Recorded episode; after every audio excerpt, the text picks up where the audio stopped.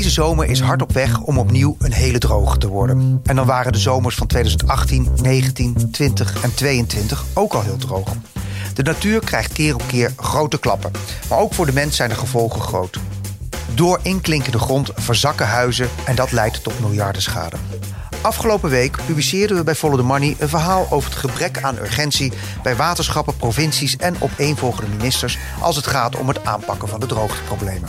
De boeren zijn de lachende derde, want die kunnen dankzij de lage waterstanden in februari met hun zware machines het land op en in de zomer kunnen ze vrijwel ongehinderd hun land beregenen. De natuur is de stille verliezer. Een wetenschapper die de noodklok luidt, is de in de media als droogteprofessor omschreven, Flip Witte. Emeritus hoogleraar ecohydrologie en voormalig onderzoeker bij KWR, het onderzoeksinstituut van de gezamenlijke drinkwaterbedrijven in Nederland. Witte deed jarenlang onderzoek naar verdroging en de gevolgen van klimaatverandering voor water en natuur. Met hem praten we hoe het kan dat aan de voortgaande verdroging van Nederland al decennia niets wordt gedaan en hoe het anders moet. Hij zit nu hier bij mijn studio. Goedendag. We spraken elkaar tot nu toe alleen maar via de telefoon. En nu zien we elkaar in levende lijf. Je woont in Renkum, met de trein hier naartoe gekomen. Merk je iets van droogte in Renkum en omgeving op dit moment? Um, ja, het gras is geel. En de beken in, uh, waar ik woon in Oosterbeek, die lopen nog goed. Maar die worden gevoed uit een stuwwal, dus die reageren heel langzaam. Maar de Renkemse uh, en de Heelsumse beek, die hebben het moeilijk. Dus de afvoer heel laag. En een van de beektakken staat ook volledig droog. Ja, Mensen zeggen ja, de afgelopen dagen heeft het weer geregend, dus zo erg is het niet. Ligt eraan waar je precies zit, maar bijvoorbeeld de Veluwe, waar ik woon, dat is een heel traag reagerend systeem. En voordat dat weer helemaal is aangevuld, de grondwatervoorraad, dat duurt heel lang. Ja, KNMI heeft een droogtemonitor. We zitten echt als je die grafieken bekijkt, op weg naar de 5% droogste zomers van, uh, van de afgelopen decennia. Ja. Dus de, de problemen zijn nog helemaal niet opgelost. Ook niet als er een buitje valt, zal ik maar zeggen. Nee, het waren flinke buien, dus heel goed, dat helpt. Maar uh, onderliggende problemen. Uh, het gaat ook niet om dit ene jaar. Het gaat om wat er de afgelopen jaren en de afgelopen decennia met de waterhuishouding is gebeurd. Ja. ja. In, in ons stuk, wat we afgelopen week hebben gepubliceerd, mijn collega Daniel van Kessel en ik, daarvoor gingen we naar de achterhoek, naar kasteel En daar heb je prachtige lanen. Daaraan staan beuken en eiken, sommige 100, 200 jaar oud. En die, boom, die bomen gaan gewoon dood. De toppen liggen eruit, takken zijn er af, bomen zijn zelfs omgevallen, omgezaagd, omdat ze gewoon de een naar de ander sterven. Omdat ze met hun wortels niet meer bij dat grondwater kunnen. Is dat het meest extreme wat je kan zien in Nederland? Terwijl dus 100, 200 meter verderop die beregeningsmachines de akkers van boeren staan te beregenen. Ja, dat, dat is heel zichtbaar. Net als het droogvallen van beken, dat is ook zichtbaar. En het sterven van bomen, dat, dat, spreekt mensen natuurlijk aan. Uh, dan zie je letterlijk iets kapot gaan. Maar wat je misschien niet meteen kapot ziet gaan, dat zijn allerlei uh, zeldzame vegetaties, blauwgraslanden, trilvenen die verdrogen. En uh, ja, dat ziet er nog steeds soms nog heel groen uit. En maar ondertussen? Is misschien wel ook wel voldoende water. Maar de grondwaterstand is te laag, waardoor er zuurstof in de bodem komt. En dan breekt organische stof af. Er komt stikstof bij vrij. Gaan planten ervan groeien. Grassen. Stikstof of CO2? Uh, stikstof, ja, ook CO2. Dat is een ander probleem. Maar er komt in ieder geval komen er, uh, komt er stikstof vrij. En dan gaan planten harder van groeien. Grassen harder van groeien. En die drukken de orchideeën en zeldzame andere soorten uh, weg. Ja. En dat is minder zichtbaar voor de leek. Maar het is wel van belang voor de biodiversiteit. Voor, een stervende eik. Ja, dat is ook belangrijk voor de biodiversiteit. Met name die pareltjes in het landschap. Hè. De blauwgraslanden hadden we vroeger heel veel van. Hebben we nog uh, misschien enkele tientallen hectare van. Ja, en uh, die gaan ook naar de knoppen. Ja, we gaan het dus, cycle in de aankondiging, uitgebreid hebben over hoe dit kan. Dat dit maar voortwoekert, die verdroging en die problemen daaromheen. En ook wat we eraan kunnen gaan doen, wellicht. Maar laten we even beginnen bij het begin. We gaan terug naar het jaar 1976 oudere luisteraars zullen zich dat nog herinneren. Het was echt de allerdroogste zomer die we in een mensenleven hebben gehad. Uh, uh, dus sinds de Tweede Wereldoorlog, of nog misschien nog wel van daarvoor. Jij was toen een jonge student aan de Universiteit Wageningen. En toen ben je gegrepen door dat fenomeen droogte. Hè? Ik bedoel, jouw fascinatie voor droogte is 50 jaar geleden in dat jaar 1976 begonnen. Ja, dat klopt. Wat zag je toen? Beschrijf eens. Nou, ik zag toen niks. In 76 lag ik vooral op het strand. en uh, ik, uh, ik wilde... Ah, ik dacht dat je gewoon zo al met een schepnetje door, door het boeras liep... en huilend bij droogvallende beken Nee, zat. ik wilde milieuhygiëne gaan doen. Maar dat was uh, heel veel titreren. Ik werd helemaal duizelig van de vervluchtige stoffen. Dus ik dacht, de milieuhygiëne, dat was toen een opkomst. Uh, ik dacht, dat ga ik niet doen. En toen was er een studie uh, cultuurtechniek met ook aandacht voor de natuur. En ik ben in die richting uitgegaan. En ja, toen verschenen ook de eerste artikelen over de gevolgen van de droogte op de natuur. En toen heb ik voor die kant gekozen. Ja me daarmee bezig te houden. Maar je was in het jaar, zelf, in het jaar 76 zelf, ben je niet gaan kijken... Toen was ik nog onbewust van het leed van de wereld. Ah. Ja. nou, laten we eens proberen met elkaar te hebben over hoe het nou kan... dat die verdroging in Nederland zo'n probleem is geworden. We zijn natuurlijk een kletsnat land. Ik bedoel, de Ja. rivieren komen van alle kanten binnen. We zijn een delta. Het regent hier een groot deel van het jaar en toch hebben we verdroging. Er valt ook meer regen. En er valt meer regen door het Eh, eh, 100 mm meer dan vroeger. Ja. Ik, heb, ik heb 750 mm per jaar geleerd. Jij ook waarschijnlijk, eh, je leeftijd te zien. Het is nou 850 mm per jaar Ja. aan neerslag. Na de Tweede Wereldoorlog heeft Nederland het adagium omarmd... nooit meer honger. Ja. Meer, meer, meer. Landbouwproductie moest omhoog. Beken werden rechtgetrokken, drainagepijpen gelegd, sloten gegraven. Alles om water maar snel af te voeren... om de boeren de kans te geven zo vroeg mogelijk het land op te gaan. Ja. Ehm, in 1950, het jaar waarin de trekker doorbrak, wist ik niet...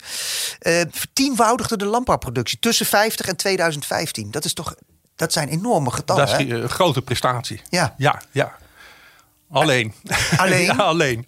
Is dat gewoon eh, die intensivering, die vertienvoudiging? Ja. Het, het, het, het vrij baan geven aan die landbouwproductie. Is dat de oorzaak van de verdroging? De belangrijkste oorzaak? Of Ja, is het, nou ja, je hebt of dus- is het het je- groeiende populatie... waardoor de water, drinkwaterbedrijven meer moeten oppompen? Waar zit het hem in? Nou, je hebt droogte, hè? dus je kan een droog jaar hebben. Eh, Maar dat heb je altijd al gehad, de droge jaren en natte jaren. Eh, En we hebben de laatste tijd een aantal droge jaren. Maar dat komt bovenop een structurele verandering in het landschap. En eh, onderzoek heeft uitgewezen dat de belangrijkste oorzaak van die structurele verdroging. Hè, de verdroging is een structureel probleem dus. eh, structureel daling van de grondwaterstand. Dat, eh, dat voor eh, 60% toe te schrijven is aan de landbouw. Voor 30% aan de winning van eh, drinkend industriewater. En eh, voor 10% aan andere oorzaken. Dat is een oud onderzoek. De getallen zijn misschien nu iets anders. Zeker omdat er steeds meer wordt beregend. Denk ik dat het aandeel van de landbouw nog groter is. Ja, dus wij publiceerden dat, eh, dat verhaal. en toen kwam Jan Kees Vogelaar, boerenleider, eh, medeoprichter van het onderzoeksinstituut Agifex, wat wordt gefinancierd door de agro-industrie. Die eh, zette een plaatje online van het Centraal Bureau voor de Statistiek, waaruit zou blijken dat het allemaal wel meeviel. Hij, zei Ja. van, hij schreef daarbij: follow the money, check je de feiten wel. En eh, toen ging jij meteen in de aanval. Ja, dat, dat is een plaatje wat, wat regelmatig op internet verschijnt.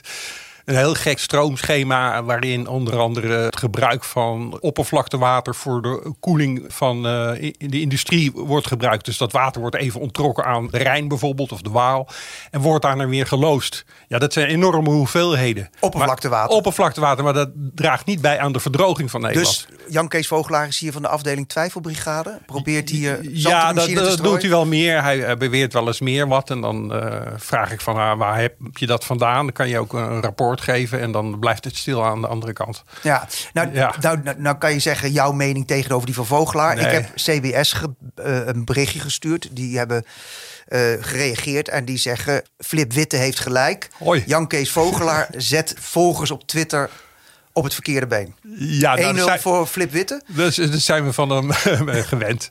Ja. Ja. Nee, die man hoef je niet serieus te nemen, vind ik. Sorry. Oké, dus we gaan terug naar het schema eh, wat je net zei. Hè, de- eh, 60% van de wateronttrekkingen, of misschien wel meer, komt door de landbouw. Laten we daaraan vasthouden. Nou, van de verdroging. Van de Dat wat verdroging. anders dan sorry. wateronttrekking. Sorry, Ja. 60% van de verdroging. En het CBS moet misschien dat stroomschema aanpassen. Want het is toch ook verwarrend? Of, eh, Ik vind, daar heb ik CBS ook op aangesproken. Dat leidt alleen tot ver- verwarring. Ze hebben zelfs dat schema wel eens een keer gebruikt in de vorm van een staatsdiagram in Nieuwsuur. En daar zijn screenshots van gemaakt en die worden dan ook op internet gedeeld. Eh, Van zie je wel? Maar alles om dus gewoon besluitvorming te vertragen, twijfel te zaaien. Ja. Om Ja. de situatie maar niet te laten veranderen. Is dat de interpretatie? Ja. Ja. Jij hebt jarenlang, hè, dus je hebt eerst een, een, een carrière gehad bij, uh, in Wageningen. Je hebt op allerlei verschillende plekken, Rijkswaterstaat, allerlei verschillende plekken gewerkt. Uiteindelijk een, heb je een onderzoeksgroep geleid bij KWR, dus dat Onderzoeksinstituut van de Waterleidingbedrijven. En je was bijzonder hoogleraar aan de VU. Uh, stapels en stapels rapporten geschreven. Maar na de zomer van 2018 werd je boos. Waarom? Nou, ik ben op een gegeven moment voor mezelf begonnen. Toen ik uh, bij mijn vorige werkgever, KWR, dat is de onderzoeksclub van de drinkwatersector. Toen deed ik vooral theoretisch achtergrondonderzoek. Ja, echte wetenschappers noemen het nog steeds praktijkonderzoek. Maar het, ik was meer bezig met computermodellen, literatuurstudies, statistische analyses. En toen uh, ging ik voor mezelf beginnen en werd ik betrokken bij een onderzoek naar de gevolgen van uh, de droogte van 2018 en 2019 voor de hogere zandgronden. En In dat, Brabant? In Brabant, uh, nee, al, alle hogere zandgronden. Oké, dus alle hogere. Gelderland, Brabant. Drenthe, ja. Drenthe, Overijssel, Utrecht. Het uh, onderzoek betaalde de provincies, de waterschappen. Dat werd begeleid door wel 80 mensen, 80 ambtenaren. En die zeiden, ja, we willen handelingsperspectief. Wat moeten we doen? Dus, dus schets even, je zit ergens in een zaal met 80 ambtenaren. Was het zo? Uh, ja, ze waren niet allemaal 80 tegelijk aanwezig. Maar ja, 50 wel eens een okay. keer. Maar ook via internet hebben we vergaderd. Ja. Dus er waren een heleboel mensen die dat onderzoek begeleiden. Voelde je daar urgentie bij die mensen van we moeten hier iets doen? Ja, dat geloof ik wel hoor. Nee, ook uh, oprechte betrokkenheid, zeker. Maar ik dacht wel, ja, wat is het geheugen van, uh, van de mensen dat ze nou nog steeds niet weten wat ze moeten doen? Volgens mij is dat wel bekend wat er moet gebeuren. Ja. En toen zei de projectleider, G. van de Eertweg, schrijf het eens op. G. van den Eert was ook een wetenschapper. Dat is ook een wetenschapper. Collega van je. Ja. En, ja, en ik ben dat uh, gaan opschrijven. En toen dacht ik, nou laat ik er maar een artikel van maken. En uh, dat heb ik uiteindelijk ingediend. En sindsdien uh, word ik benaderd door de pers. En dat is eigenlijk uh, dat in dat artikel geef ik een overzicht van wat er eigenlijk sinds 1975, 76 zo'n beetje gebeurd is aan beleid. En hoe dat beleid eigenlijk de soep is ingedraaid. Dat er allerlei beloften zijn gedaan, uh, kamermotie aangenomen en het is gewoon niet uitgevoerd. Nee, je stuurde mij een mail uh, toen we bezig waren met het onderzoek voor ons stuk. Lees dit verhaal, dit heb ik uit woede geschreven. Ja, ja nou ja, ja dat, dat is wel zo. Ja. ja. Woede over het feit dat er heel veel wordt onderzocht en vastgesteld, maar nooit echt wordt gedaan. Ja, nou daar beledig ik te veel mensen mee. Want er gebeurt wel zeker wat. Er zijn hele mooie projecten. Maar dat zijn vaak projecten rond natuurgebieden. Eh, waar een heleboel geld gaat naar de boeren om te compenseren voor natschade of om boeren uit te kopen. En uh, ja, nou, nou, ben ik ook nog een burger. Ik ben niet alleen onderzoeker, ik ben ook burger. Je hebt zoiets als de vervuiler betaald, maar ook uh, de verdroger zou ook eigenlijk moeten betalen. En, en, dat gebeurt en, niet. en niet altijd geld toekrijgen. Nee. En uh, het is, gaat niet alleen om de natuur. We hebben ook, dat heeft Zweco berekend, de komende 30 jaar voor 80 miljard euro te verspijken aan verzakkende huizen. Ja, wat ik ook in de inleiding al zei. Ja, ja, ja waar, van wie is dat water? Je haalde net Hakvoort aan, waar dan beuken staan te verdrogen en eiken. Terwijl daarnaast een beregeningsinstallatie staan.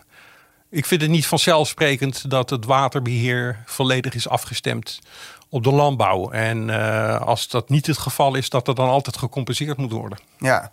Je schrijft of je zegt in een van de interviews: hè, verdroging is het gevolg van onze behoefte om nummer twee in de wereld te blijven in de landbouwexport. Het is uiteindelijk een keuze tussen de natuur en grootschalige export. Ja. Als je het helemaal plat slaat. Ja. Ja. Je krijgt ook kritiek, hè? bijvoorbeeld, je zei net van wie is het water? Hè? In, het, in het vakblad Agraaf, hè, is een agrarische vakblad, staat uh, in precies die vraag. De boer moet maar eens een simpele vraag stellen: van wie is dat grondwater eigenlijk dat als regen op zijn land valt? Ja. En de, de toon was: ja, dat is van die boer. En dat verzakt door zijn grond naar beneden en wordt dan grondwater, maar het is wel van hem. Ja, ja. Wat vind je van die redenering? Uh, egoïstisch. Ja, dat grondwater dat stroomt uiteindelijk naar, de, naar zijn buurman toe, zijn buurvrouw, stroomt naar een natuurgebied toe. Een heleboel landbouwgrond in die droge jaren, die hebben een negatieve waterbalans. Er gaat meer uit dan er aan neerslag in komt. En dat betekent dat het onttrekkingsputjes zijn. En uh, ja, je, je, hebt er ook zorg voor je omgeving. Ja. Dit is een houding van, uh, nou, ik doe wat ik wil en ik heb met niks, de rest niks te maken. Ja. Dat geldt dit ook voor de stikstofuitstoot. Dus ook zijn ook mensen die vinden dat je maar moet doen, kunnen doen wat je wil. Daar ben je het gewoon niet mee eens. Nee, ik vind ja. het heel egoïstisch. Je hebt ook een collega-hydroloog. Ik bedoel, die mensen, die, die boeren maken ook gebruik van algemene middelen. eh, van het waterschap om de waterhuishouding eh, voor hun te regelen. Ja. En als ze echt zeggen van nou, we zijn helemaal zelfstandig, ja, dan uh, zet de stuur allemaal op en laat het lampen onder water lopen. Dat, Ja. Zo is het er ook niet. Nee. We zijn van elkaar afhankelijk. Je wordt boervijandig genoemd door collega hydroloog Jan van Bakel, met wie je ook nog wel stukken samen hebt geschreven. Ja. Dus daar, jullie wegen hebben zich gescheiden. Van Bakel zegt over de Peel bijvoorbeeld, hè, dat is een hoogveen in Brabant. Ja, die omgeving daar is zodanig verstoord dat herstel van veengroei op enige schaal waarschijnlijk helemaal niet realiseerbaar is.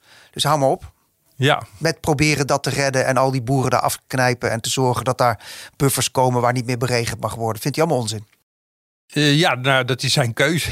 ja, ik vond het altijd een aardige vent. Dat vind ik nog steeds. Ik denk dat hij af en toe... Dat dat wat hij in het Eindhovens Dagblad over mij heeft gezegd... dat het gewoon onverstandig was. Dom. Die notoor Ik bedoel, we, we, we kunnen over de feiten van mening verschillen... maar het gaat om een, een waardediscussie. En hij neemt het helemaal op voor de landbouw... en wat zijn goeie- goed recht is. Eh, maar het is mijn goed recht om ook voor andere belangen op te komen. Ja, zeker. Laten we even gewoon weer naar de eh, landelijke politiek gaan. Hè. Ik bedoel, eh, jullie beschrijven in dat artikel waar je het net over had, wat in het voorjaar van 2020 is uitgekomen, dat er ja, sinds 1976 heel veel is vastgesteld. Pogingen tot beleid zijn gedaan die vervolgens weer zijn vastgelopen. Hè. Er was bijvoorbeeld ooit een plan om 25% van de verdroogde gebieden...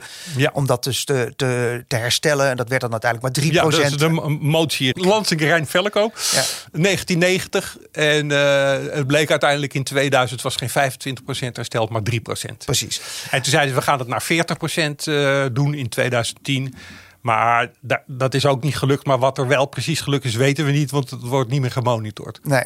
En toen is het besluit genomen om al het natuurbeleid naar de provincie over te hevelen Ja. en naar de waterschap. En toen raakte het helemaal versnipperd. Institutioneel geheugen Ja. nul. Dat is precies wat jij zag bij die 80 ambtenaren. Eh, In 2014 is ja. dat dus over de heg gegooid. Ja. Nou, en toen zag je ook wel dat eh, de provincies nog hun eigen rapportages deden. Dat werd allemaal netjes bijgehouden door een afdeling van Rijkswaterstaat. RISA heet het, DBW RISA. En dan zag je kaartjes eh, met de verdroging van natuurgebieden. Maar er zaten hele scherpe grenzen in tussen de provincies. Dus eh, aan de ene kant, in Gelderland was het dan bijvoorbeeld meer verdroogd dan in Utrecht. Dat hield op bij de grens opeens. Ja. Dat is, eh, dus dan wordt het afhankelijk van de, van de politieke keuzes. Ja. Ja. En, en dan, maar er komt een kanteling in 2022, vorig jaar november. Ja. Dan komt er een brief waarin de minister zegt... we gaan vanaf nu sturen op water en bodem. Ja, Goed nieuws. Ik vind het geweldig nieuws. Ja, ja. Want opeens bleek daar het besef door te dringen dat niet langer de landbouw leidend moet zijn, maar de, de staat van de bodem en de staat van het water. De kwaliteit van het water. Maar toch was je niet helemaal. eh Nee, er staan hele mooie dingen in. Er staat in dat we het drinkwatergebruik eh, terug moeten brengen van 125 liter per persoon per dag naar 100 liter per persoon per dag. Dat de grondwaterstand omhoog moet. Ja, dat zijn allemaal natuurlijk prachtige dingen om te zeggen. Maar als je dan doorleest, het zijn allemaal mooie doelen zonder dat daar eh, juridische in- instrumenten bij staan. Het zijn zogenaamde structurerende keuzes die in een iteratief proces in samenspraak tussen Rijk, provincies, gemeenten, waterschappen en andere belanghebbenden tot stand moet komen. Wat is iteratief ook alweer? Iteratief, dat is. eh, Gaandeweg, hè? Nee, iteratief is dat de een die doet een voorstel en dat landt dan uiteindelijk ergens. En dan Met de andere ander, woorden, je gaan het, stuk, door. je Ja, zei het stuk slappe hap. het is slaphap, want we hebben dat in het verleden ook al gedaan bij dat antiverdrogingsbeleid. Er is ook eh, verschillende evaluatierapporten zijn er over verschenen. En er bleek telkens, het gaat niet werken. Als het allemaal eh, in- in goed overleg en samen moet, dan gaat het niet werken. Het gaat alleen werken, eh, dat is ook geconstateerd, als boeren daar belang bij hebben. En Als ze er zelf beter van worden. Anders gaat het niet En lukken. wat, wat, hoe zou het dan wel moeten? Ik denk dat er eh, concrete aanwijzingen gegeven moeten worden. Bijvoorbeeld, dat heeft eh, Raad voor de Leefomgeving en Infrastructuur heeft recent, ik geloof dit jaar, ook een rapport uitgebracht. Dat eh, zaken veel dwingender eh, moeten. Maar Je- goed, je, je, kan, je kan bijvoorbeeld beregening uit grondwater. Daar kan je je meter op zetten. Zo moeilijk is dat niet. En je zou ook wel, dat hebben wij voorgesteld, een eh, gestaffeld tarief erop zetten. Gestaffeld? Gestaffeld betekent dat als je, nou de eerste beregeningsbeurt is nog gratis, maar als je meer gaat berekenen, ga er maar voor betalen. Ja, ja, En ja. dat geldt ook voor drinkwatergebruik. Uh, in in uh, Vlaanderen doen ze dat al. Daar heb je een zogenaamd uh, basistarief. En als je dan meer dan 35 kuub per jaar gebruikt, dan ga je naar een comforttarief. En als je dan nog meer gebruikt, dan wordt het een luxe tarief. Werkt dat? Is daar al, zijn er al gegevens over? Nou, wat ik heb gehoord, dat is de prijselasticiteit van het water te gering is of te veel. Dat weet ik niet. Ik ben geen econoom. Maar in ieder geval dat mensen zich er onvoldoende door laten beïnvloeden. Maar ik denk zeker... Dat het de weg is die op moet gaan. Dat je, ja, ja, ja. En dat, dat geld kan je dan gebruiken. Want je, je haalt dan inkomsten binnen. Dat geldt ook voor een tarief op uh, beregening. Je haalt dan inkomsten binnen. En dat kan je gebruiken om die droogteschade te herstellen. Ja, dan, dan even. We hebben het over die brief. November 2022 is die uitgekomen. Jij zei een beetje slappe hap. Maar uit een onderzoek van Investico Groene Amsterdammer bleek... Hè, de, op basis van interne stukken... dat die brief oorspronkelijk wat harder van toon was. Hè. De vergunningsplicht zou er ja. moeten komen voor beregening. Beregeningsverbod rondom uh, natuurgebieden. Maar dat die er dus allemaal weer uit zijn gesloopt... na consultatie van de uh, boerenlobby van de LTO, hè, de Land- en Tuinbouworganisatie. Ja, ja, Wat zegt jou dat? Ja, dat die macht veel te groot is. Ik heb zelf ook wel eens een keertje ben ik gevraagd door het uh, ministerie van LNV, door een ambtenaar, om antwoord te geven op Kamervragen. En die heb ik naar uh, waarheid, heb ik die ambtenaar geholpen.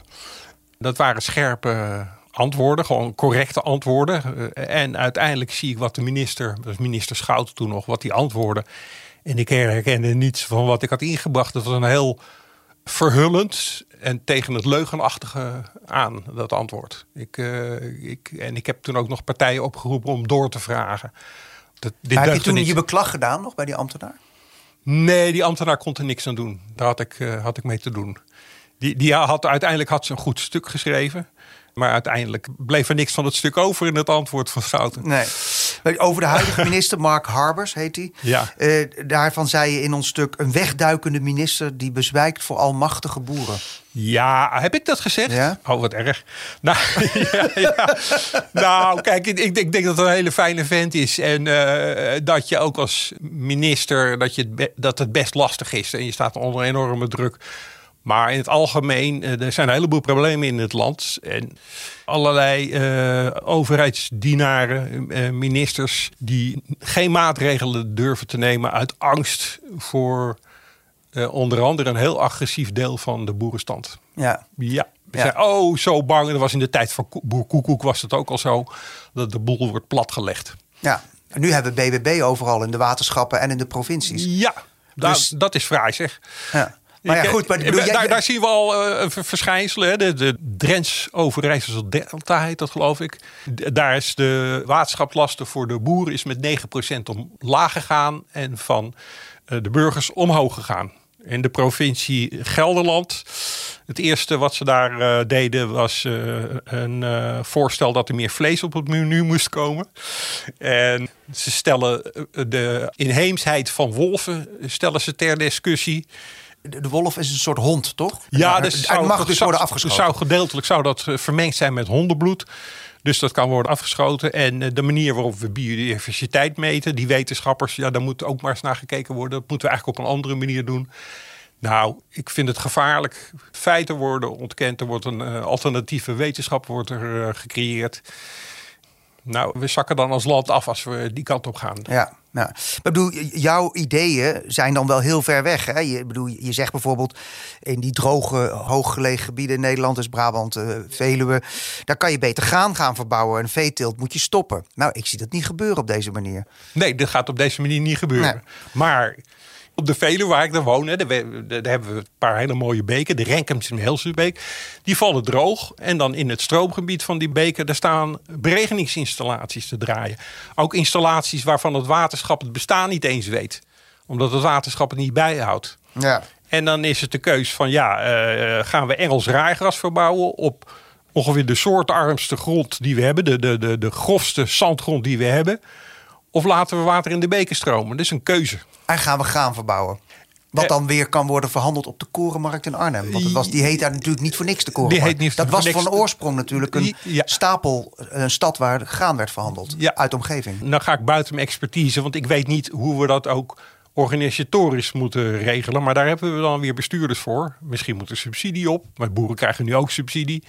Ehm, maar even, we moeten naar een ander waterbeleid toe. En dat kan ook met transitie van de landbouw. Dat je in de hogere zandgronden, arme zandgronden, hè, water en bodem zijn sturend. Dat betekent dat je daar niet meer zo'n waterslurpend gewas als Engels rijgas moet willen verbouwen. Nee, we hebben ook eh, gevraagd aan de Unie van Waterschappen van, nou, hoe, hoe, kijken jullie hier naar, naar die, naar, naar die droogteproblematiek? En dan zeggen ze, nou, wij zien ook wel dat er dingen moeten veranderen, maar we laten dat bij de 21 waterschappen, want die zijn gekozen. Ja. Hè? In, in het artikel uit 2020, wat je eh, samen met die G van de Eerdweg en een aantal anderen hebt gepubliceerd, uiteindelijk eh, scharen jullie je, eh, en dus ook jij, je achter een plan van GroenLinks en D66. Die vinden dat beslissingen binnen het waterschap nu veel te eenzijdig op de korte termijn belangen van de landbouw zijn gericht. Ja. Treedt hier de wetenschapper in de arena van de politiek door je op te stellen achter zo'n plan van D66 en GroenLinks? Ja, dat ik wissel makkelijk van de ene pet naar de andere. Nee. Tegenwoordig, ja? Nee, tegenwoordig. Nee, ja, ik ben.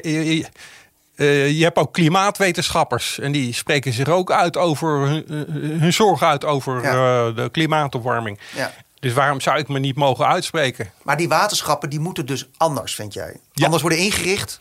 Uh, nou ja, er zijn nog steeds uh, geborgde zetels. Twee voor de natuur en twee voor uh, de boeren. Dus gegarandeerde zetels? Dat zijn gegarandeerde zetels. Hoef je dus helemaal niet op te stemmen. En uh, dat moet afgeschaft worden. Ja. ja, ja. Oké. Okay. En vind het een, be een, beetje raar. Twee van de dertig zetels. Uh, zijn sowieso voor boeren, ja. Ja, ja. Dat, dat vind ik vreemd. Ja, en dus in het waterschap daarbij IJssel en Rijn heet het volgens mij. Rijn en IJssel, ja. Rijn en IJssel bij Hakvoort heb je dus negen BBB'ers en die twee ingezeten. Dan hebben ze bijna absolute meerderheid. Ja, ja. En, uh, maar goed, jij vindt dus dat die waterschappen moeten veranderen, maar die gaan voorlopig niet veranderen. Dus we zitten gewoon opgescheept ja. met waar we nu mee zitten. Ja, toch? waterschap Vallei en Veluwe is uh, de grote winnaar. Een van de grote winnaars water natuurlijk is zelfs helemaal buiten de deur gehouden. Ja. Dus daar, uh, maar jouw vergezichten van ja.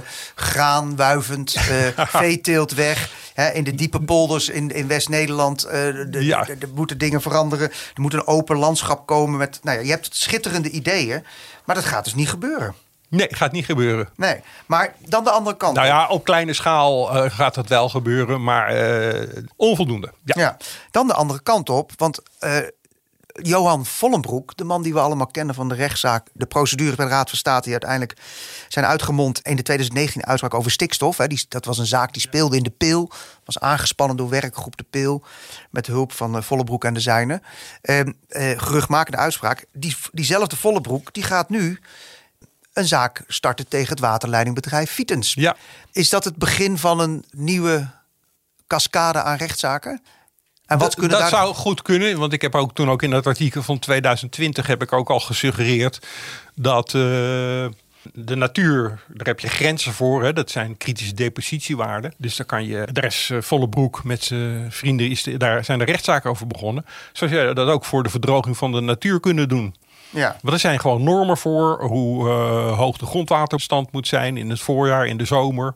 En uh, daar wordt niet aan voldaan. En uh, daar kan je dan ook rechtszaak over beginnen. Maar het is heel, wel heel erg triest dat dat moet, die rechtszaken. Dat, dat, zou je eigenlijk niet moeten willen. Je wil gewoon een overheid die zich aan zijn afspraken houdt. Ja. En de afspraak is onder andere in Europees verband. Er zijn ook, we hebben ook natuur die niet, wettelijk niet beschermd is, maar net zo goed natuur. Maar in ieder geval die beschermde natuurgebieden. Het minste wat je moet doen is je aan je verplichtingen houden. Ja, Vitens zegt, hè, dat is het waterleidingbedrijf wat daar dus uh, actief is in, uh, bij het natuurgebied Hammervlier en Beerzerveld. Dat is allemaal in de buurt van Ommen. Die zegt, ja, we weten dat er een probleem is. We gaan het voorzichtig doen. Maar het kan niet anders, want de bevolking groeit. Dus we hebben extra water, grondwater nodig. Hugo de Jonge wil al die huizen bouwen. Alles grijpt in elkaar. Hè? Ja. Hè? Dat is de grote verbouwing van Nederland waar we hier naar kijken. Dus het kan niet anders. En dan, dan in dat interview, ik geloof dat het in Tubantje is... zeg jij dan van, ja, kap dan in ieder geval al die naaldbossen. Want dat slurpt ook water. Nou, niet alle naaldbossen. Nee, nee, maar ja. snap je Maar dat die- standpunt van Vitens ook? Dat, snap ik ook. Want het is te makkelijk om te zeggen van ja, daar, daar geen grondwater meer. Want ja, dan hebben mensen Nee, geen water meer heeft een, heeft een leveringsplicht. Ja.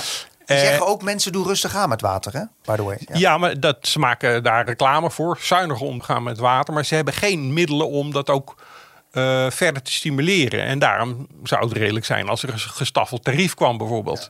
En net als in uh, Vlaanderen, daar, als je daar je auto was in een hele droge zomer... dan kan je een boete van 1600 euro krijgen. Ja. Of je tuin sproeien. Daar kan best beleid op worden gevoerd. Maar Vitens kan dat niet. Den Haag moet aan de bak. Ja, ja. Maar zolang we een demissionair kabinet hebben... Ja, maar daarna gaat het ook nog niet gebeuren. dus... Dit onderwerp had een hele lage urgentie. Uh, laten we zeggen tot 2018. Jij hebt het nu mede gepolitiseerd. Hè, door hier te zitten, door in allerlei andere bij Nieuwsuur te zitten, in de kranten je verhaal te doen. Uh, Harbers ziet in ieder geval dat er een probleem is, maar hij pakt niet door. Maar het probleem is nu wel benoemd en geadresseerd in in politiek Den Haag? Of, of ben Ja. ik hier te optimistisch? Nou ja, dat, het is eerder geadresseerd, namelijk naar de droge zomer Van van, 18. 1976.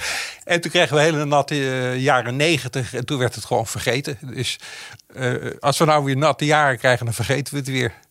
Hoop je op meer droge jaren? Nee, ja, dan heb ik. eh, nou, nee, daar hoop ik natuurlijk niet op. Nee. Maar het is wel Prisoner's Dilemma waar je hier naar kijkt. Dan. Voor mij? Ja, want ik- het zou goed zijn als er dus echt maatregelen worden genomen. Maar blijkbaar moet eerst het kalf verdrinken in een lege put. Ja, maar het, het is het probleem met, met, met die verdroging. Het is, het is een sluipmoordenaar.